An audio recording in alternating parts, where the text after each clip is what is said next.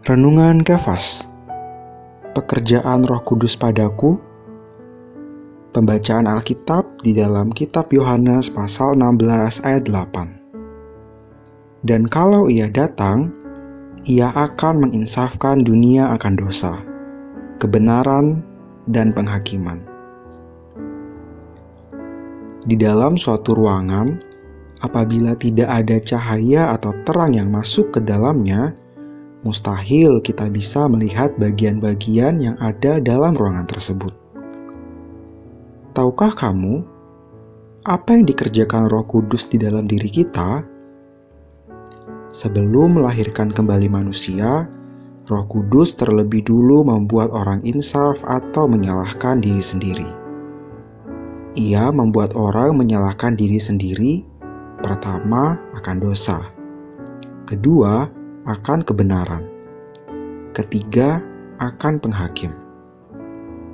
Roh Kudus terlebih dulu membongkar dosa yang pernah dilakukan oleh orang itu. Seperti film, seadegan demi seadegan dosa-dosa ditayangkan di dalam perasaan orang itu. Sehingga ia nampak bahwa dirinya berdosa, lahir di dalam dosa. Sekarang, kalau ia tidak percaya kepada Tuhan Yesus, ia akan berada di bawah hukuman, menunggu binasa. Sobat Kefas, betapa pentingnya Roh Kudus di dalam diri manusia. Tanpa Roh Kudus, manusia bagaikan ruangan yang tidak ada cahaya atau terang.